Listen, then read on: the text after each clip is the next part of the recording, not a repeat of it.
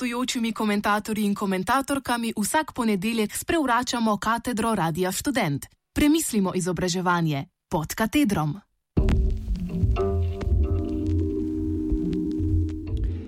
Show Discount.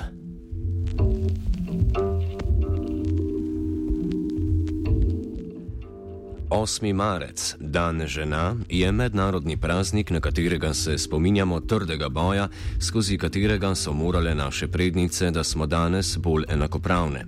Praznujemo ga že od leta 1909, ko se je v New Yorku zgodila stavka tekstilnih delavk, vendar pa takrat še niso določili točnega datuma. To se je zgodilo šele ob stavki delovk v takratnem Petrogradu 21. februarja 1917, po našem koledarju 8. marca, ki so s tem zanetile revolucijo.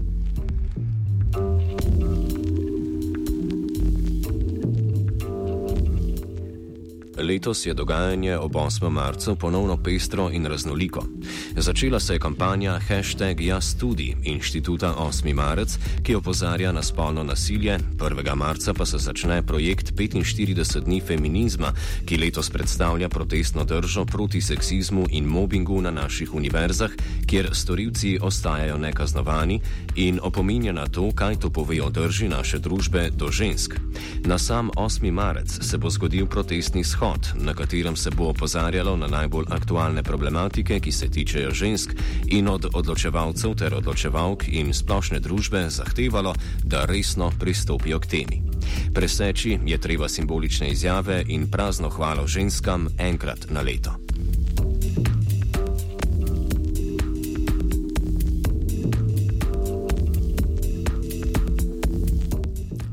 In kaj na ta datum načrtuje študentska organizacija Univerze v Ljubljani?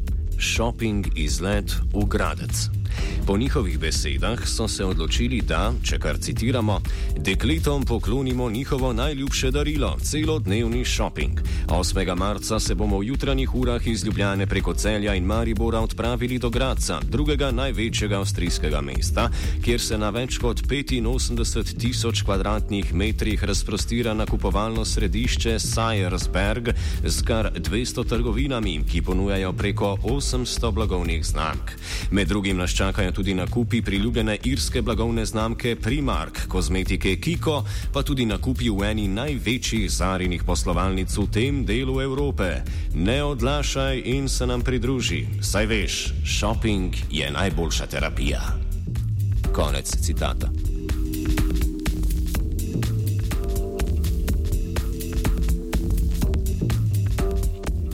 Pa vendar nas to niti ne bi smelo presenetiti, ko gre za študentsko organizacijo Univerze v Ljubljani, katere študentski zbor je pretežno sestavljen iz moških predstavnikov. Od 45 poslanskih mest jih ženske zasedajo samo 16, prav tako pa je tudi večina vodstvenih funkcij zasedena strani moških. Vodje resorjev, predsednik, direktor so v veliki večini moški. Spomnimo se tudi incidentov ob preteklih volitvah v študentski zbor, ki so potekale oktobra 2016. Na filozofski fakulteti Univerze v Ljubljani so po poročanju kandidatk člani vodilnih skupin v študentski organizaciji uporabljali resnično nizkotne metode proti konkurenčnima kandidatkama, od lažnivih osebnih diskreditacij do fizičnega in spolnega nadlegovanja. Zdi se, da je tudi iz njihovih praks razvidno, da jim za spolno enakopravnost ni ravno mar. Šov tako izkazuje svoje nerazumevanje konceptov in elementov patriarhalne družbe, na katere feministke s svojim delovanjem opozarjajo že leta in propagira škodljive stereotipne predstave o ženskah. Ne na zadnje izrabljajo tudi to, da kozmetična in oblačilna industrija profitira na vse bolj dragih in zahtevnih lepotnih standardih.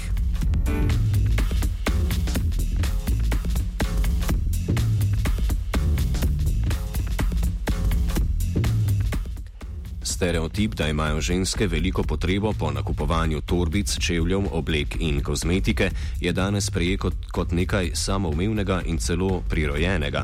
Pojavljajo se kvazi znanstvene evolucijske teorije o tem, kako ženska nagnjenost k nakupovanju izvira še iz nabiralniških družb, vendar obstajajo dokazi, da nabiranje in lov nista bila ločena po spolih. Filmi in serije, kot je Seks v mestu, so utrdile podobo o nakupovanju dragih oblačil kot ene od od najpomembnejših in najbolj priljubljenih dejavnosti žensk.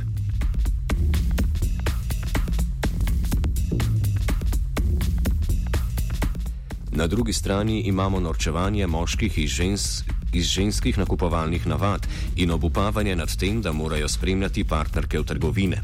Pripovedujejo si, kako je treba kreditne kartice varovati pred ženskami, na žensko nakupovanje pa gledajo s posmehom in prezirom. Od žensk pričakujejo stalno urejenost in privlačnost, čeprav mnogi tega zavestno ne priznavajo, hkrati pa se zgražajo nad preveč naličenimi ženskami in duhovičijo o prvih zmenkih na bazenu. Za nepoučene obstaja urbana modrost, da je treba žensko na prvi zmenek peljati na bazen, da lahko moški vidi, kakšna je brez ličil.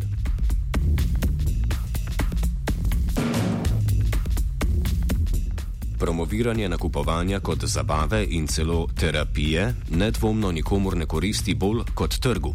Ženske so dobičkonosna ciljna publika, ki se jo že dolga leta sistematično prepričuje v kupovanje vse več izdelkov, ki rešujejo umetno ustvarjene probleme. Lepotna industrija gradi na obstoječih vzorcih spolne socializacije, jih izkorišča, pa tudi ojačuje in ustvarja.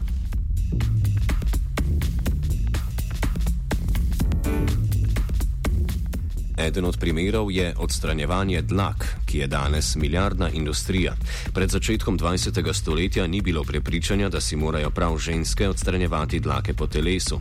Uvedba tega trenda je zasluga podjetja Žilet, ki je zavohalo nov vir dobička v prepričevanju žensk, da se morajo briti.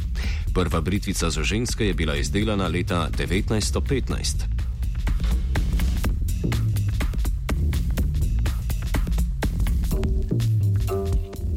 Dekletom se že med primarno socializacijo sporoča, da morajo biti lepa in urejena in tako videz postavljajo kot vrednoto, kateri morajo stremeti in ki jih validira. Nemogoče se je izogniti sporočilom o tem, kakšna je zaželena in cenjena ženska, ki prihajajo z vseh strani. Od tukaj lahko razumemo nakupovanje in stremenje k dobremu izgledu kot kolektivni družbeni pritisk na ženske, ki enači vrednost z videzom in kar kapitalizem ter raznorazne industrije s pridom izkoriščajo za ustvarjanje vse več presežne vrednosti. Seksizem in objektivizacija žensk vodita v slabo samopodobo. To žal ni le teorija, pač pa realnost večine žensk v naši družbi.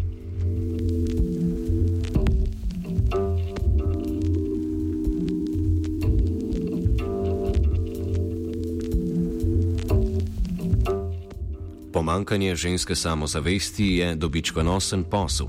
Ženske shopping dejansko uporabljajo za lajšanje čustvenih težav zaradi slabe samopodobe ali drugih slabih razpoloženj. Nakupovanje kot terapija pa je začaran krok, rešuje problem, ki je tudi njegov vzrok in pogoj. Prepričali so nas, da je trošenje denarja in discipliniranje lastnega telesa nekaj sproščujočega, celo terapija.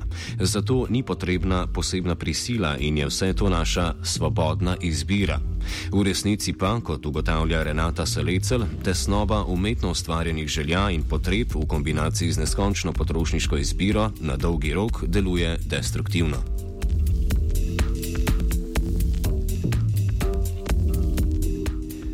Povrh vsega so na mnogih delovnih mestih za ženske obvezna ličila in visoke pete. Lepotni standardi so za ženske torej skoraj življenskega pomena in zahtevajo dodatne finančne stroške, medtem ko za moške niso niti slučajno tako visoki.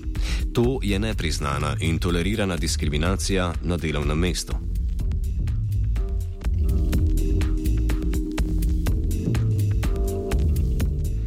Eden najbolj osnovnih in izvornih razlogov za to, da v povprečju ženske več časa preživijo v trgovinah, pa je konec koncev dejstvo, da prevzemajo večino skrbstvenega in gospodinskega dela in posledično tudi opravljajo večino nakupovanja za ostale v gospodinstvu.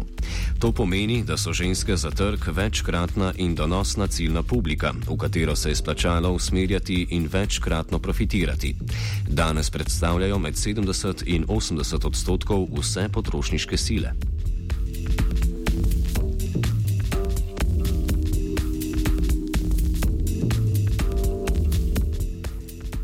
Glede na vse to, le, glede na vse to, le težko trdimo, da je fenomen ženskega nakupovanja kot prostočasne aktivnosti nedolžna in neproblematična svobodna izbira. Gre za kompleksen in večplasten sistem postavljanja žensk tja, kamor spadajo v patriarhalnem kapitalizmu, od izkoriščanja ženskega reproduktivnega dela do depilacije in kupovanja čevljev.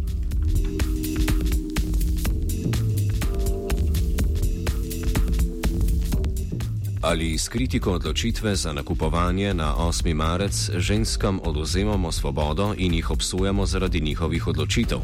Ne. Ne ukvarjamo se s krivdo posameznic, pozivamo pa k premisleku o tem, odkot ta odločitev izhaja in opominjamo na izvorni namen 8. marca. Predhodnice so se borile za napredek, ki ga uživamo vse, zato ne smemo pozabiti na zgodovino. Tudi zato, ker so napadi na žensko avtonomijo in svobodo še vedno prisotni in celo vse močnejši. Eno so odkriti napadi, kot je vzpon konzervativnih in mizoginih politikov in ukinjanje pravic žensk, drugo pa manj opazne in mehke strategije, ki odvračajo pozornost žensk od resničnega dogajanja. Med te spada tudi dotični nakupovalni dogodek za 8. marec.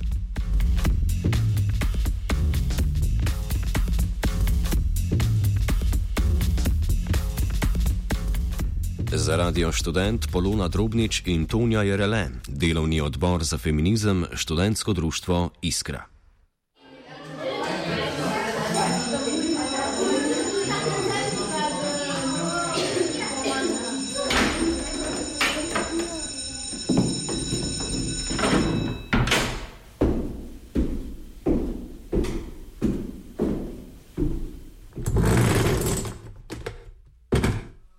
Gostujočimi komentatorji in komentatorkami vsak ponedeljek sprevračamo katedro Radia Student. Premislimo izobraževanje pod katedrom.